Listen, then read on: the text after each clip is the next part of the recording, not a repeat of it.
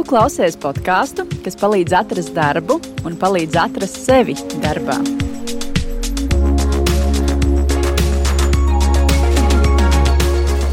Es esmu Lielda Salaniets, un jūs klausāties podkāstu pirms darba tematisko miniseriālu Vasaras darbs. Iepriekšējā epizodē runājām par to, kādas ir iespējas jauniešiem vasaras darbam un kur meklēt šīs iespējas. Šajā epizodē parunāsim par to, cik ļoti vecākiem vajag iesaistīties jauniešu vasaras darba gaitās, ko vecākiem vajadzētu un ko nekādā gadījumā nevajadzētu darīt. Sāksim ar mammu Lauru. Sveika! Sveiki! Prieks, ka es pie mums atnākusi. Sākumā varbūt varam iepazīties. Es esmu Laura, trīs meitu mamma un esmu no Salkristiem. Un vai visām tavām meitām ir bijusi vasaras darba pieredze? Nē, gluži. Jo jaunākajai meitai nu pat uh, tikai palikuši 14 gadi. Viņa vēl ir tādās nu, pārdomās par to. Tad sāksim ar vecāko meitu. Kāda ir bijusi viņas vasaras darba pieredze? Ko viņa ir darījusi vasarās? Vecākajai meitai vienmēr ir bijušas konkrētas intereses, un viņa ir vienmēr bijusi ļoti aktīva un uh, gribējusi darīt tikai to, kas pašai patīk un pašai tiešām interesē. Uh, tad viņas uh, tā darba pieredze nav gluži tikai uz vasaru. Viņa strādāja arī skolas laikā, un viņa darīja to, kas, kas viņu interesēja. Tas ir saistīts ar fotografēšanu, ar filmēšanu un uh, tam līdzīgām lietām. Vai viņa pati šī, šos darbus atrada? Jā, jā. reizēm mēdzām mēs kādu padomu dot. Bija, manuprāt, viena vasara bija tāda, ka viņa ļoti gribēja tādu jau tādus, nevis tādus, tā kā viņai bija parasti tādi projektu darbiņi, bet viņa gribēja tādu, kā, teiksim, tādu kā darbu, tādu pastāv, pastāvīgāku. Un tad gan mums bija, es atceros, tādas diskusijas ģimenē, jo mēs teicām, meit, tev tiešām nav jāstrādā gluži naudas dēļ, vairāk skaties to, kas tev varētu interesēt, un dari to, kas tev nu, vairāk noderētu pieredzē, izaugsmē un tādam nu, sevis pilnveidošanai. Uh, nē, viņi saka, tas, tas tur man tie visi projekti ir, ir, ir tajā kategorijā, tur viss ir kārtībā, bet es gribu tiešām tādu darbu. Nu, tas laikam tāpēc, ka cilvēks grib tā ātrāk būt justies pieaugušais vai kā. Uh, Un tad gan es atceros, ka vīrs teica, tā, ka labi, tad dari tā, nu, pat cik viņš uzņēmējs pats un tā. Un viņš teica, tā, tad tu izvēlies, tu vienkārši esi droša, esi pārliecināta un vienkārši skaties, kurā uzņēmumā vēlētos strādāt. Un vienkārši raksti viņiem. Raksti, kas tu esi, ko tu varētu no sevis piedāvāt, un saki, ka tu to darīsi par velti. Un tiešām viņi vairākiem uzrakstīja, un viens, vienu, vienu kompāniju viņi paņēma. Viņi nostrādāja pie viņiem to pirmo mēnesi, tā kā praksē, bez, bez atalgojuma. Un nākamajā viņa, protams, bez problēmām piedāvāja ļoti labu, labu algu, un, un viņa bija nu, viņa darbinieks. Tad viņas galvenā motivācija nebija, lai iegūtu papildus ienākumus, bet, bet vairāk, lai sevi attīstītu. Jā, nu man arī likās ļoti būtiski tajā brīdī tam bērnam iedot šo sajūtu, kā pasniegt sevi, kā ieinteresēt to darba devēju, kā parādīt sevi, un līdz ar to arī nu, tālāk nu, problēma nebūs. Vienkārši to sajūtu viņam nu, radīt to, to pieredzi. Un, ja mēs ejam pie vidējās meitas, kāda ir bijusi viņas vasaras darba pieredze? Nu, vidējā meita mums laikam ir tā, tā, kurai šobrīd ir tāda klasiskākā skolēna darba pieredze. Jo viņa pēc 9. klases pieteicās, viņa pat uzrunāja, manuprāt, viņa stāstīja, ka viņa jau skolā kāds puisis, kuram bija Eh, kurš arī tajā darba, eh, kafejnīcā strādāja, uzrunāja, redzot, ka viņa tāda centīga un laikam apsvietīgi izskatījās, nu, ka vai var, um, lai nāk vasarā pastrādāt uz vietējo kafejnīcu. Un tad viņa aizgāja, pieteicās, un viņai pirmais mēnesis, atceros, viņai bija tas viens vienkāršākais, viņa mazgāja traukus. Ah, tās grūtības, eh, nu labi, tur, cik es saprotu, bija ļoti liela apjomi, Jo tajā kafejnīcā vasarās ļoti liels cilvēku pieplūdums, klientu pieplūdums. Un, un nebija trauku mašīnas, viņa mazgāja, viņa raudāja. Vakaros viņai bija praktiski nogājis visa roku āda, jo tā āda laikam nebija pieradusi pie tā, ka nu, ir visu dienu iemērkta ūdenī.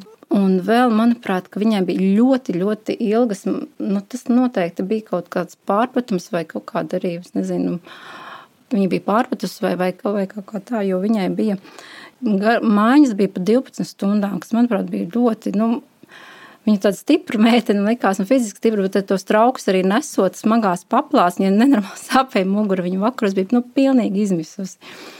Bet neskatoties uz to, viņa par cik nākamajā mēnesī tos darbus tā labi un apzinīgi darot, viņa ļoti tā, nu, paaugstināja. Viņa paaugstināja uz virtuvi, kur viņa strādāja pilnīgi viena pati. Atkal tādu milzīgo cilvēku plūsmu, plūsmai gatavojot ēdienu. Un atkal, bet viņa tāda, ka viņa pārāk nesūdzās. Viņa tika galā, bet, eh, bet nu, vislielākā laikam viņas tā, tā, tā, kā šoks un vilšanās bija tā, ka, ka tad atnāca tā, tā reize un tā diena, kad eh, tas uzņēmums norēķinājās ar viņu, tad mēs sapratām, ka, ka viņai tur nav, nav viņa pareizi sapratusi par to atalgojumu, un tad viņas eh, tās iedomātās algas vietā bija pilnīgi cita summa, kad viņa pilnīgi, nu, sajūtās tiešām, manuprāt, nu, tā nenovērtēta vai, vai nu, Tad viņai samaksāja mazāk. Jā, viņai samaksāja mazāk. Jo mēs jau tā kā bijām, bijām mazliet tā kā noraizējušies ar vīru. Arī jautājām vairākas reizes, nu, tur labi, vai tiešām esi pārliecināta, vai tas ir. Ā, mēs viņai jautājām tā.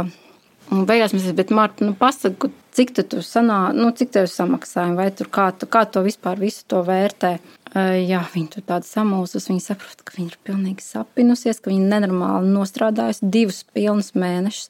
Nu, bet, bet viņai bija fantastiska karjeras izaugsme. Ja domāju, no trauku mazgātājs un šitās te galdus laucītājs.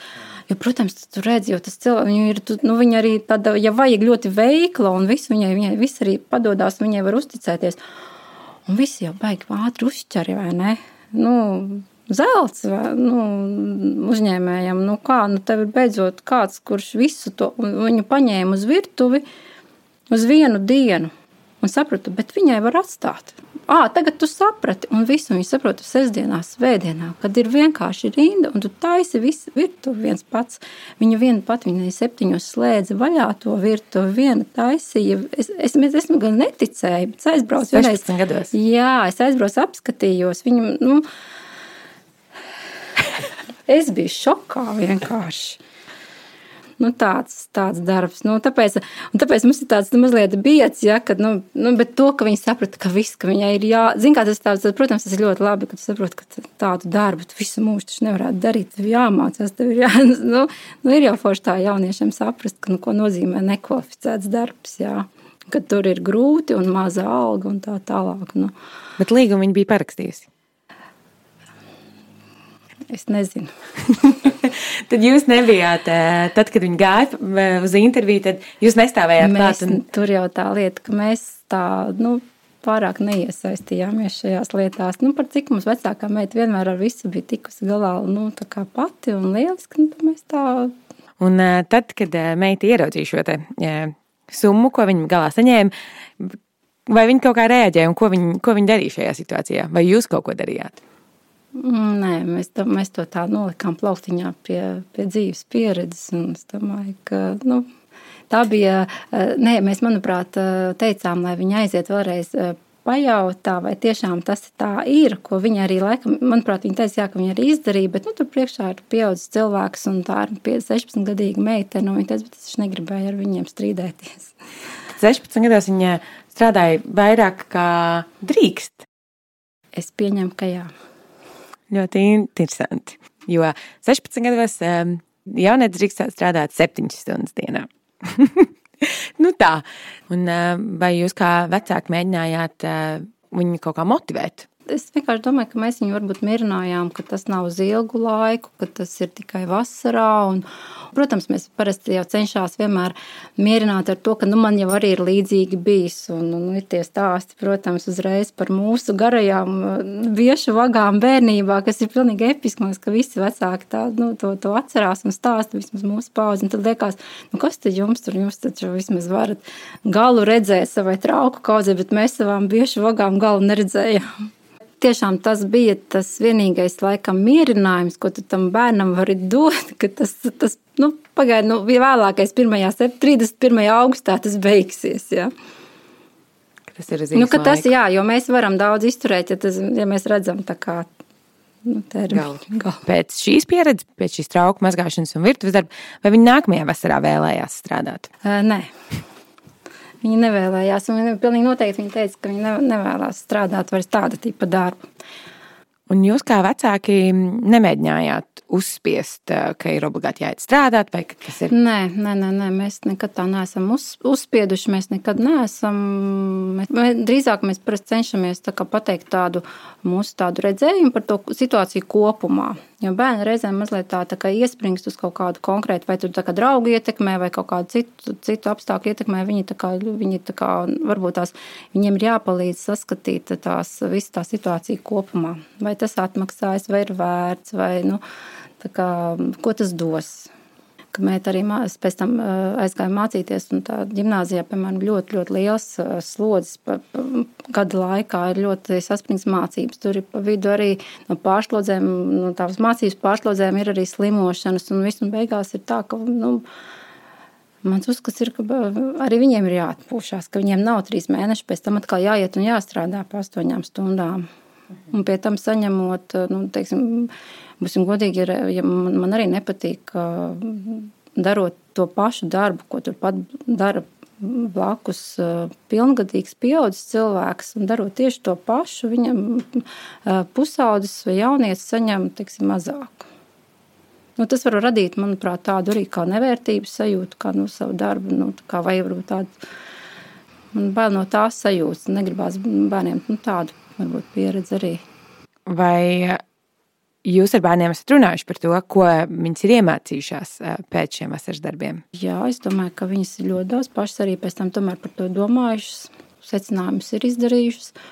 Un, eh, teiksim, es arī redzu, ka vidējā meita to jaunāko arī tā nemaz nemudina uz tādiem darbiem iet. Eh, nu, kā viņa ir sanāca, viņa vairāk tā kā saka arī, ka ir jādara, jācenšas atrast tāds darbs, kas ir, nu, kas, kas tomēr interesē, kas patīk, kas var noderēt un tā tālāk. Protams, jaunākajai, kur tur šobrīd tikai 14, tas ir pats pats sākums, ka viņi vispār vēl nu, par to vēl tā īsti nevar domāt. Bet nu, es domāju, ka tas viss vēl nu, nāks priekšā.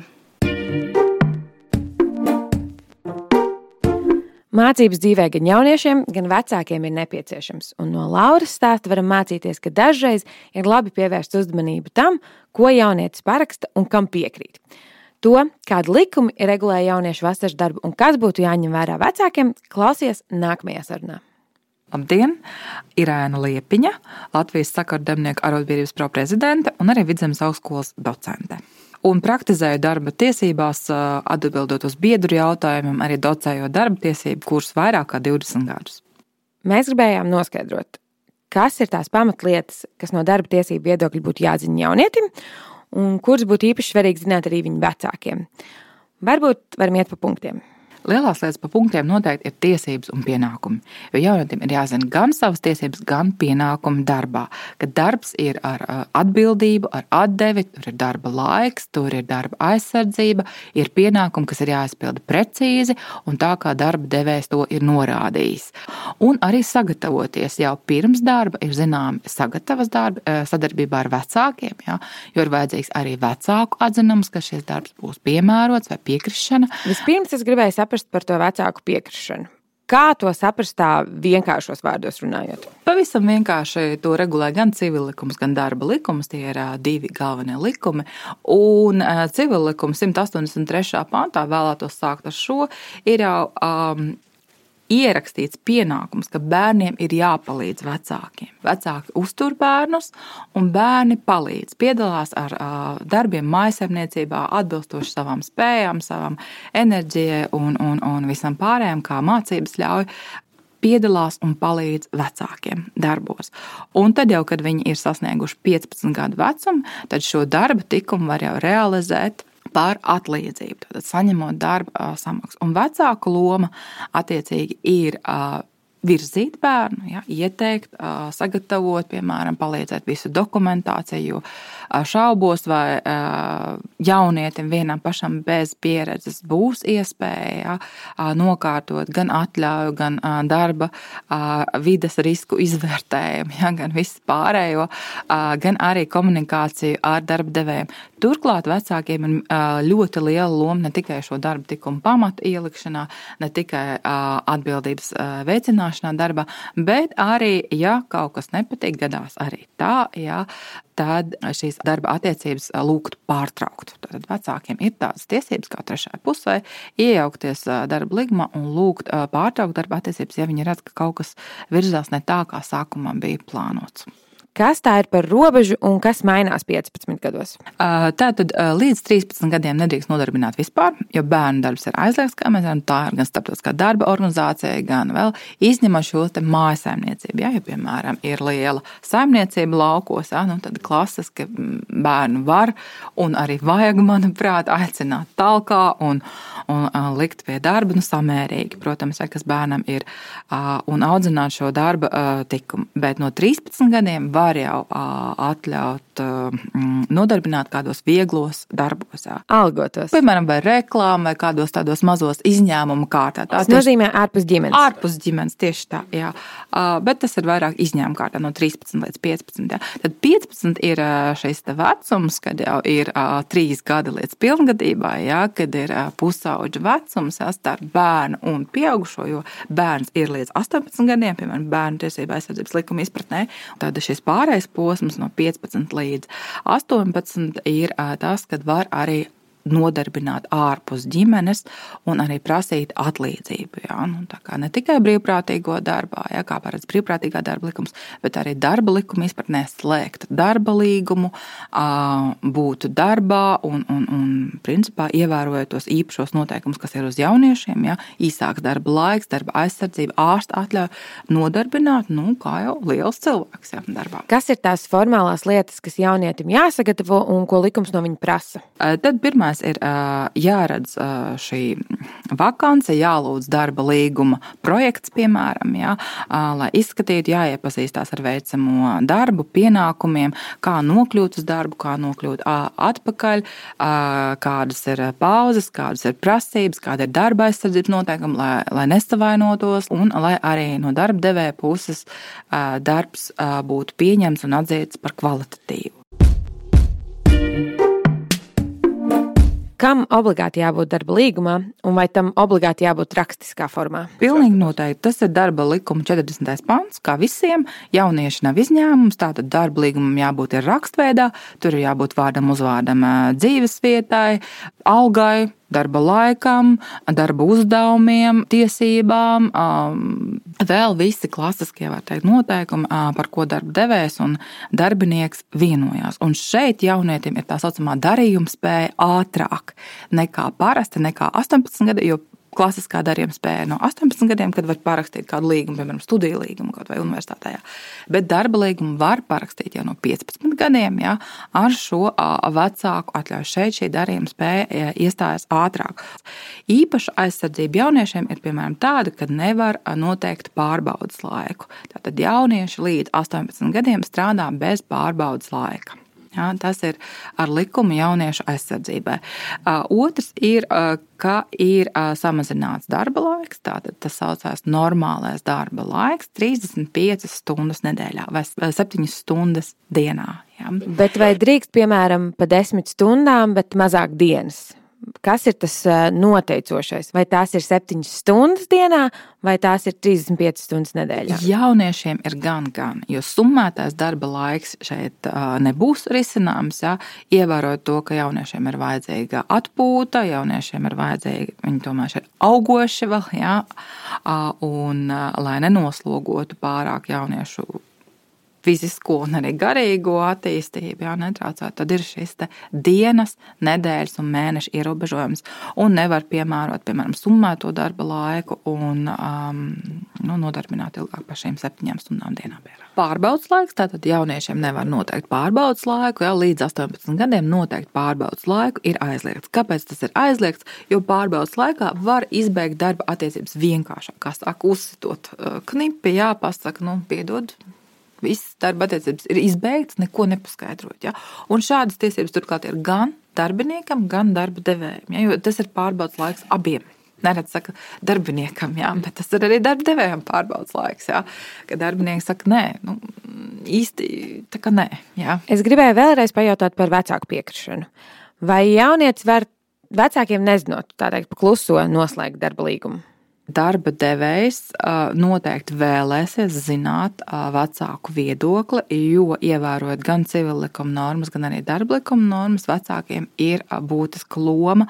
Un, ja tas būs, kā saka, klusu arī noslēgts, jā, vai vienkārši paspiests rokas un nāc strādā, ja rakstveida forma nebūs ievērota, tas var beigties ar to, ka šīs attiecības nu, vienkārši tiks izbeigts vai tiks pieprasīts izbēgt no vecāku puses, vai arī noslēgt likumā paredzētā veidā, rakstveidā ar vecāku piekrišanu. Un arī to, ka vecāks ir informēts, kur ir bērns. Jā, tomēr līdz 18 gadiem ir bērns jā, juridiski, un ka ar viņu viss ir kārtībā, viņš ir drošībā un, un, un veic savus pienākumus. Vai vecākiem ir tādas tiesības patiešo komunicēt ar darba devēju, Un vai darba devējiem ir tāds pienākums patiešo komunicēt ar vecāku par bērna ikdienas darba pienākumiem, piemēram? Tā, tas ir netieša prasība. Un, protams, tā ir jābūt samērīgai. Protams, ka vecāks var jautāt, bet ne pēc katrām piecām minūtēm, kā veicās manam bērnam, un, un vai ir vajadzīgs vēl kaut kas, un, un es vēlos redzēt. Um, teiksim, apstākļus un, un, un, un šo specifiskos jautājumus, bet tam ir jābūt tādam loģiskam, jā, tāda normālā komunikācija, neraustot pārmērīgi, bet arī neatstājot pašplūsmā. Jā. Nu, katrs jau jūt, kad var pajautāt, vislabāk būtu vienoties arī, jā, mm, kad var zvanīt, jā, arī kā jūsu bērnam veicās darba vietā. Vai es pareizi sapratu, ka jaunietis saņem minimālo darba algu, bet strādā 7 stundas dienā, nevis 8. Tātad darba samaksa regulē ministra kabineta noteikumi par minimālo algu, un tā ir paaugstināta jauniešiem. Ja? Tātad nedaudz virs stundu likmes vai 5 eiro mēnesī, kā tā arī ir parastā minimāla alga par pilnu slodzi. Ja? Tikai jauniešiem tā ir paaugstināta gan dēļ samazinātā darba laika, ja tas nāk lielāka likme, gan arī viņam ir mazāks laiks laiks, viņam ir garākas pauzes, ja, arī noteikti pārtraukumi darbā, ja, ir darba vidas riska izvērtējums, uz kuru arī ir vecāku paraksts, ja, nu, ka tas nekaitēs jauniešu veselībai, ja, un jauniešu attīstībai vai, piemēram, mācībām. Ja, un vēl arī ārsta izziņa. Ja. Vēl par ārsta izziņu. Tā ir kāda īpaša izziņa, kas nepieciešama konkrētiem darbiem, vai to jaunietim prasa vienmēr? Tas ir visiem jauniešiem no 15 līdz 18, ka var strādāt, ja, ka nebūs problēmas, tas neradīs kādu negatīvu ietekmi uz jauniešu veselību. Un kas to izziņu izsniedz? Tur ir jāsāk tātad jāiet pie ģimenes ārsta, un tad ģimenes ārsts iepazīstina ar šo kārtību, kādā var būt mm, izziņa. Gadījumā, ja darba devējs tomēr grib atlaist jaunieti, vai darba devējiem ir pienākums eh, vai nepieciešamība informēt eh, vecākus par to, vai vecākiem ir kāda loma šajā? À, nē, šajā gan nav lomas, jo tas ir personisks pienākums. Tātad darbinieks strādā personiski, vecāki, protams, nestrādā. Jā, viņi var pamudināt, viņi var motivēt, viņi var strādāt cītīgi, bet tas arī viss strādā pats jaunietis. Jā.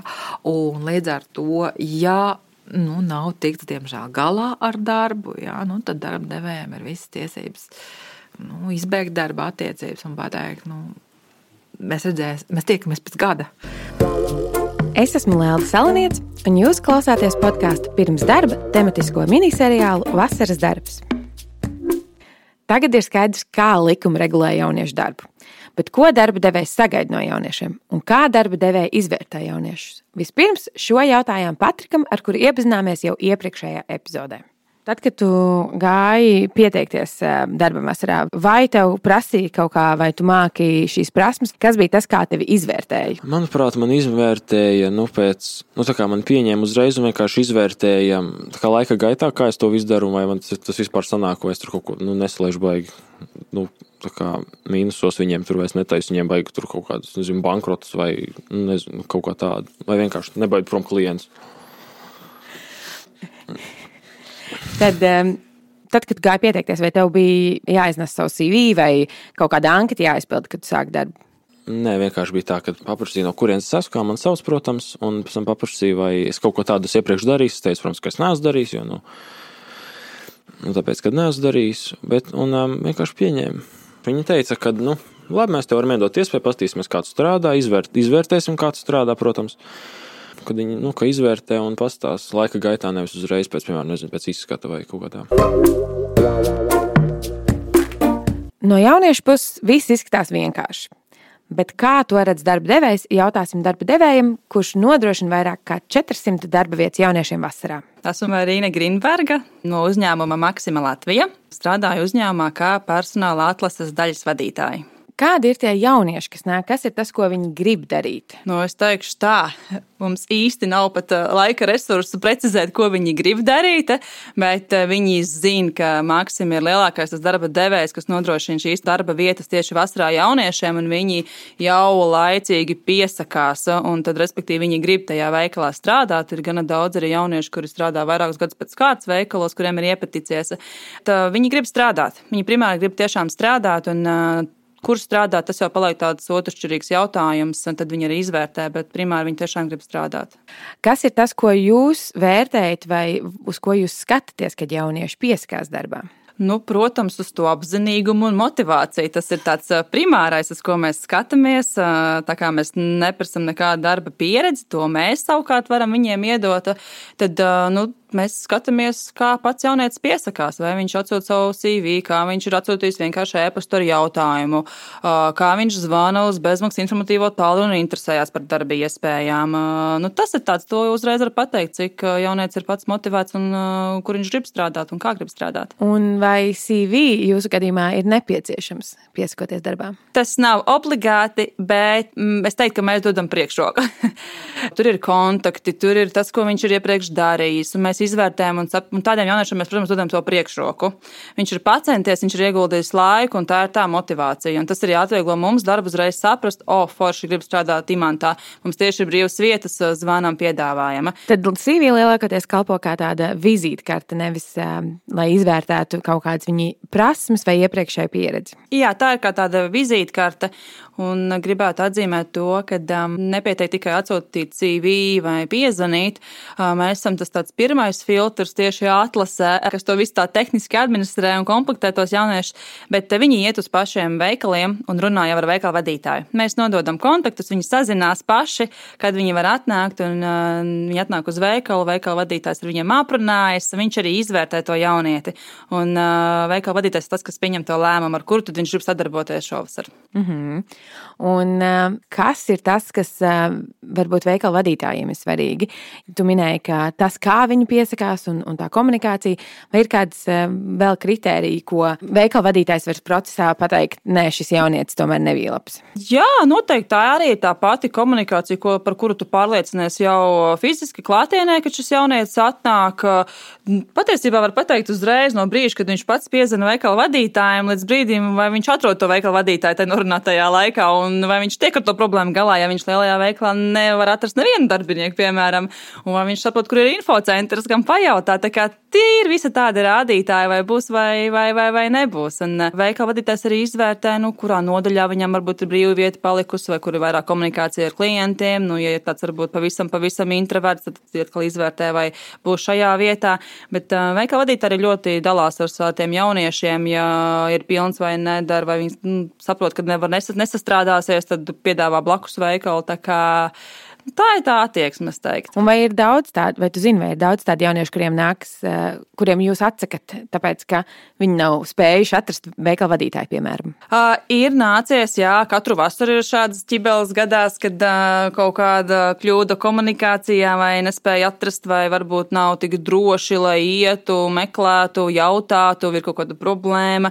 Ir veikalu vadītāji, administratori, vietnieki, un tad katrs kaut ko sazinās, un tad jaunietis ātri var apjukt. Un, uh, un nesaprast, kur tad viņam jāiet. Un ir, ir tādi, kas um, pagriežās un aiziet un nenonāk līdz tam galam mērķim. nu, tad tas arī jā, tāds ir radītājs, bet pārsvarā viss ir bijis kārtībā. Nu, tas, tas, kas ir, tad, kad nu, varbūt paši, paši atsakās kaut kādā brīdī. Un, um, ja mēs skatāmies no tāda vecāku, um, vecāku perspektīvas, um, vai jums uh, sanāk arī komunikācija ar vecākiem un, un teiksim, ja ir kādi konflikti, vai jūs iesaistat arī vecākus šajā procesā? Sanāk komunikācija, jā, nu tagad tikai projekts ir sācies, komunikācija noteikti vēl būs, bet pati personīgi pagājušajā gadā visu projektu novadīju no A līdz Z, un man bija komunikācija diezgan. Vecāki arī ir dažādi. Es ieteiktu vecākiem varbūt um, uzticēties vairāk saviem pusauģiem un piekrist tam, ko viņi vēlās. Jo viņi tā kā grib kontrolēt un noteikt, kur strādās, kad strādās, kas tieši jādara, cik maksās, lai gan jaunieci jau pats to vispirms tam ir viss noskaidrots un viss ir kārtībā. Jā, es ieteiktu uzticēties, un, ja tiešām jaunietis grib, tad vienkārši lai viņš pats iet un dara un risina, un nedarīt, un neiet uz sarunām un nezvanīt jaunieša vietā. Jo, nu, ir mazliet dīvaini, ja zvana mamma un saka, ka viņa meklē darbu priekš 17-gadīga jaunieša puiša, Un, ja viņš pats visu var lieliski izdarīt, nu tā, jo mēs jau nevaram novērtēt jaunie, jaunieti, ja mamma zvana. Bet jā, nu tas ir tāds primāri. Ir arī bijušas situācijas, kad um, esam sazinājuši jaunieti, visu nokārtojuši. Tad uh, ir bijis vēl viens numurs, zvanam mammai, un tad mamma saka, nē, viņš grib tur. Mēs sakām, bet mēs jau sarunājam, ka tā kā tur un dzirdam no otras istabas, ka bļauj, nē, es gribu šeit. Viss ir sarunāts, tā kā ir, ir visādi kuriozi. Protams, ir arī, ir arī varbūt netik, netik labas komunikācija gadījusies, kad varbūt um, vecāki tādi mazliet kašķīgāki, viņiem vajag zināt pilnīgi visu no līdz, kurā, ko, ko viņš krāmēs plauktos, kur viņš liks, cik ilgi ir pusdienas pārtraukums. Un, un, un, un, nu, jā, ir, ir visādi, bet uh, pārsvarā jaunieši paši darbojās, jā, par ko ir liels prieks. Vēl gan tikko arī atminos, um, tieši šodien bija pienācis uh, viens kolēģis un teica, vai vēl ir vieta, kad viņš grib savu jaunieti, uh, jā, lai pastrādā veikalā, un ka viņš grib tieši veikalā, nu, lai viņš redz, kā tas ir, lai viņš zina, un lai viņš saprot, ka ir jāiet mācīties, lai nebūtu veikalā jāstrādā.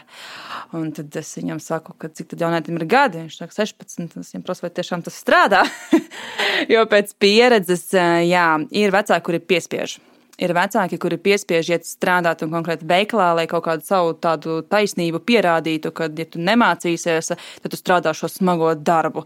Un tas, man liekas, ir pavisam nepareizi, jo jābūt, manuprāt, pretēji, kad tu mudini iet strādāt, skaties, kā tu vari sākt strādāt veikalā, kāda pieredze. Šis, šī ir laba pieredze, kā sākt, kā celties, kā kaut kāda kārtība, disciplīna, kur pieļaut kaut kādus kļūdus, kur tev apkārt ir daudz kolēģi, kas tev pamāca, pastāsta. Nu, jā, tas varbūt ir tāds ieteikums, bet tā piedomāt. Nereti vecāki mēdz izmantot, izmantot argumentāciju, ka, ja, ja tu nemācīsies, vai ja tu tur slikti uzvedīsies, vai ja tu darīsi tā vai šitā, tad tev būs jāiet strādāt par, par apkopēju vai par krāvēju maksmā, vai, vai kāds tāds darbs darīt. Kā ir ar tiem, ar tiem darba pienākumiem, un, un cik smags šis darbs ir, un vispār kā jūs uz to skatāties? Jā, nu šis ir um, gana populāri. Arī mums uzņēmumā tiek šis uh, apspriests un tās teiciens, ja nemācīsies, tad strādās kasē maksimā, bet uh, tā ir laikam tāda šaurā domāšana vecāku. No veikala viss sākas.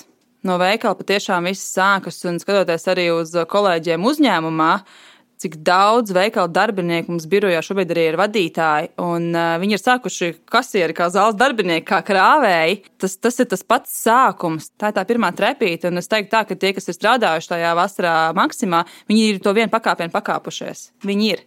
Tā ir viņa pirmā pieredze, un tā ir neatsverama. Un šeit es teiktu, tā, ka vecāki tiešām šauri varbūt domā un nu, neizprot uh, to būtību kā tādu, kas ir darbs, kas ir pieredze.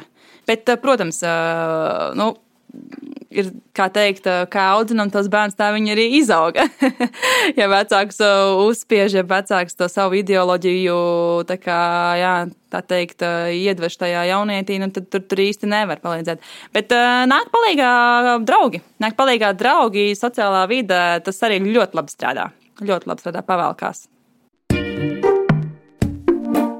Tikko sarunā dzirdējām, ka vecāki mēdz par daudz iesaistīties un kontrolēt. Kur ir tā robeža starp ļaušanu būt patstāvīgam un labi saprotamo vēlēšanos pasargāt bērnus no sliktas pieredzes? Paklausīsimies vēl vienu pieredzes stāstu. Mans vārds ir Jolanta, un es strādāju personāla vadības jomā. Arī tev ir stāsts par jauniešu vasaras darbu. Varbūt var padalīties ar šo stāstu. Jā, nu tad šovasar mans bērns ir um, vasaras darbos, un tas bija kaut kādā mērā plānots ka tā būtu laba iespēja skolēnam strādāt reāli, nu, tā teikt, par samaksu, kā algotu darbu, gūt tādu pieredzi.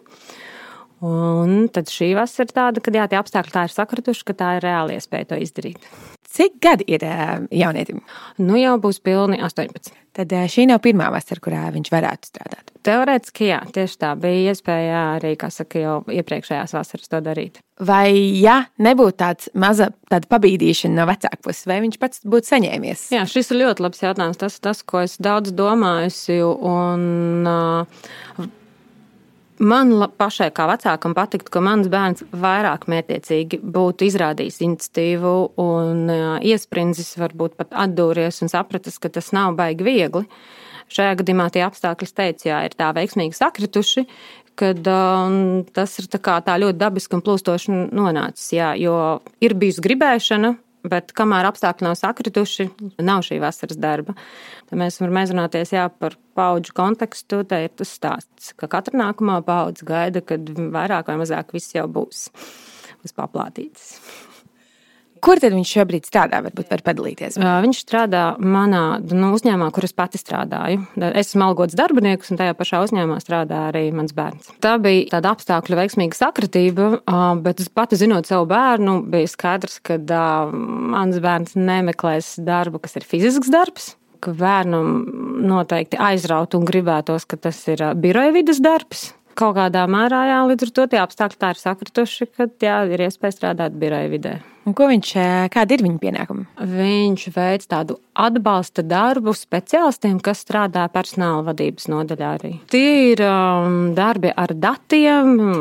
Viena no pirmajiem uzdevumiem, kas bija, tas bija tulkot materiālu no angļu valodas uz latviešu valodu, no latviešu valodas uz angļu valodu. Attiecīgi viss, kas saistīts jā, ar šo konkrētu specifisko jomu, kā personāla vadība. Šobrīdējais mērķis ir man kā vecākam, kad bērns ir ieraudzījis tādu darba vidas pieredzi.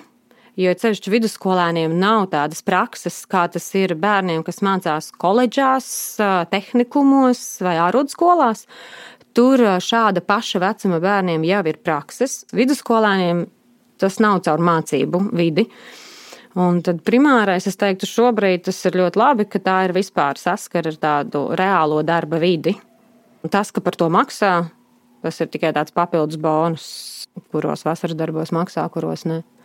Mēs esam no vecākiem vairākiem dzirdējuši, ka domājot par vasaras darbu, viņiem ir nu, svarīgi tā vide, kur bērns nonāks, un viņi varbūt tur tādu rūpi par to, kur tad bērns nonāks un kādā uzņēmumā. Vai šis ir tā vieglāk, ka ir iespēja redzēt, ko viņš ikdienā dara. Protams, ja tā pirmā darba pieredze ir pozitīva, tas ir ļoti labi tas, nu, tā teikt, pozitīvi ietekmē nākotni. Bet no otras puses, arī negatīva pieredze ļoti labi. Tā ir pieredze, un tā teikt, līdz ar to, ja viņa ir tieši otrādi, varbūt bijis skaudrāka, tad daudz pozitīvāk novērtēs atkal to pieredzi, kas ir laba. Ja nav ar ko salīdzināt, tad labu vietu var uzskatīt par netik labu, nu, tā kā aplams priekšstats izveidoties. Tā kā šai ziņā galīgi neuztraucos, un ja pat ir kaut kāda skaudrāka pieredze, tas norūda tikai cilvēku. Kā mamma, kuras savu bērnu darbu ikdienā var redzēt, un bet redz kādu ieguvumu tajā, ka viņš strādā tieši vienā uzņēmumā ar tevi. Tas iegūms, ka es varu pat nejautāt, nu, principā, patiesībā, nu, citos apstākļos iespējams es vairāk jautātu, kā tev gāja, kas tev patīk, kas tev, un tā šeit um, es varu tā kā to nejautāt, jo vairāk mazāk esmu to vienkārši redzējusi. Īsi atgādināšu to, ko mēs dzirdējām šajā epizodē. Ļaut jaunietim būt patstāvīgam un pašam meklēt vasaras darbu ir laba doma. Taču noteikti ir vērts lieku reizi pajautāt jaunietim un pārliecināties, ka juridiski viss ir kārtībā. Ka, piemēram, darba devējs nemēģina jaunieti apkrāpt un neliek jaunietim strādāt vairāk kā atļauts, vai ka atalgojums nav zemāks par likumā noteikto. Un strādājot blakus, ja vienā uzņēmumā ar jaunieti, noteikti ir vieglāk nodrošināt drošu vidi. Taču nevajag aizmirst, ka jāļauj jaunietim arī būt patstāvīgam. Katram pašam ir jāatrod smalkā robeža starp jauniešu iniciatīvu un patstāvību un vecāku atbildību par savu vēl tomēr bērnu. Nākamajā epizodē dzirdēsiet par grūtībām, ar kādām jaunieši sastopas vasaras darbā, un padomus, kā vasaras darba pieredzi izmantot kā trumpi, meklējot nākamos darbus. Informatīvais atbalsts Centrālā statistikas pārvalde, podkāstu autori Lēla Salaniece Muzikālā tēma Mikls Landens, podkāstu producents Juris Garjāns, ierakstīts studijā Ambona. Tu noklausījies podkāstu pirms darba. Lai nepalaistu garām nākamās epizodes, seko podkāstu sociālajiem tīkliem. Atbalsti podkāstu, raksti komentārus un atsauksmes, ierosini tēmas un dalībniekus. Uz tikšanos podkāstā pirms darba!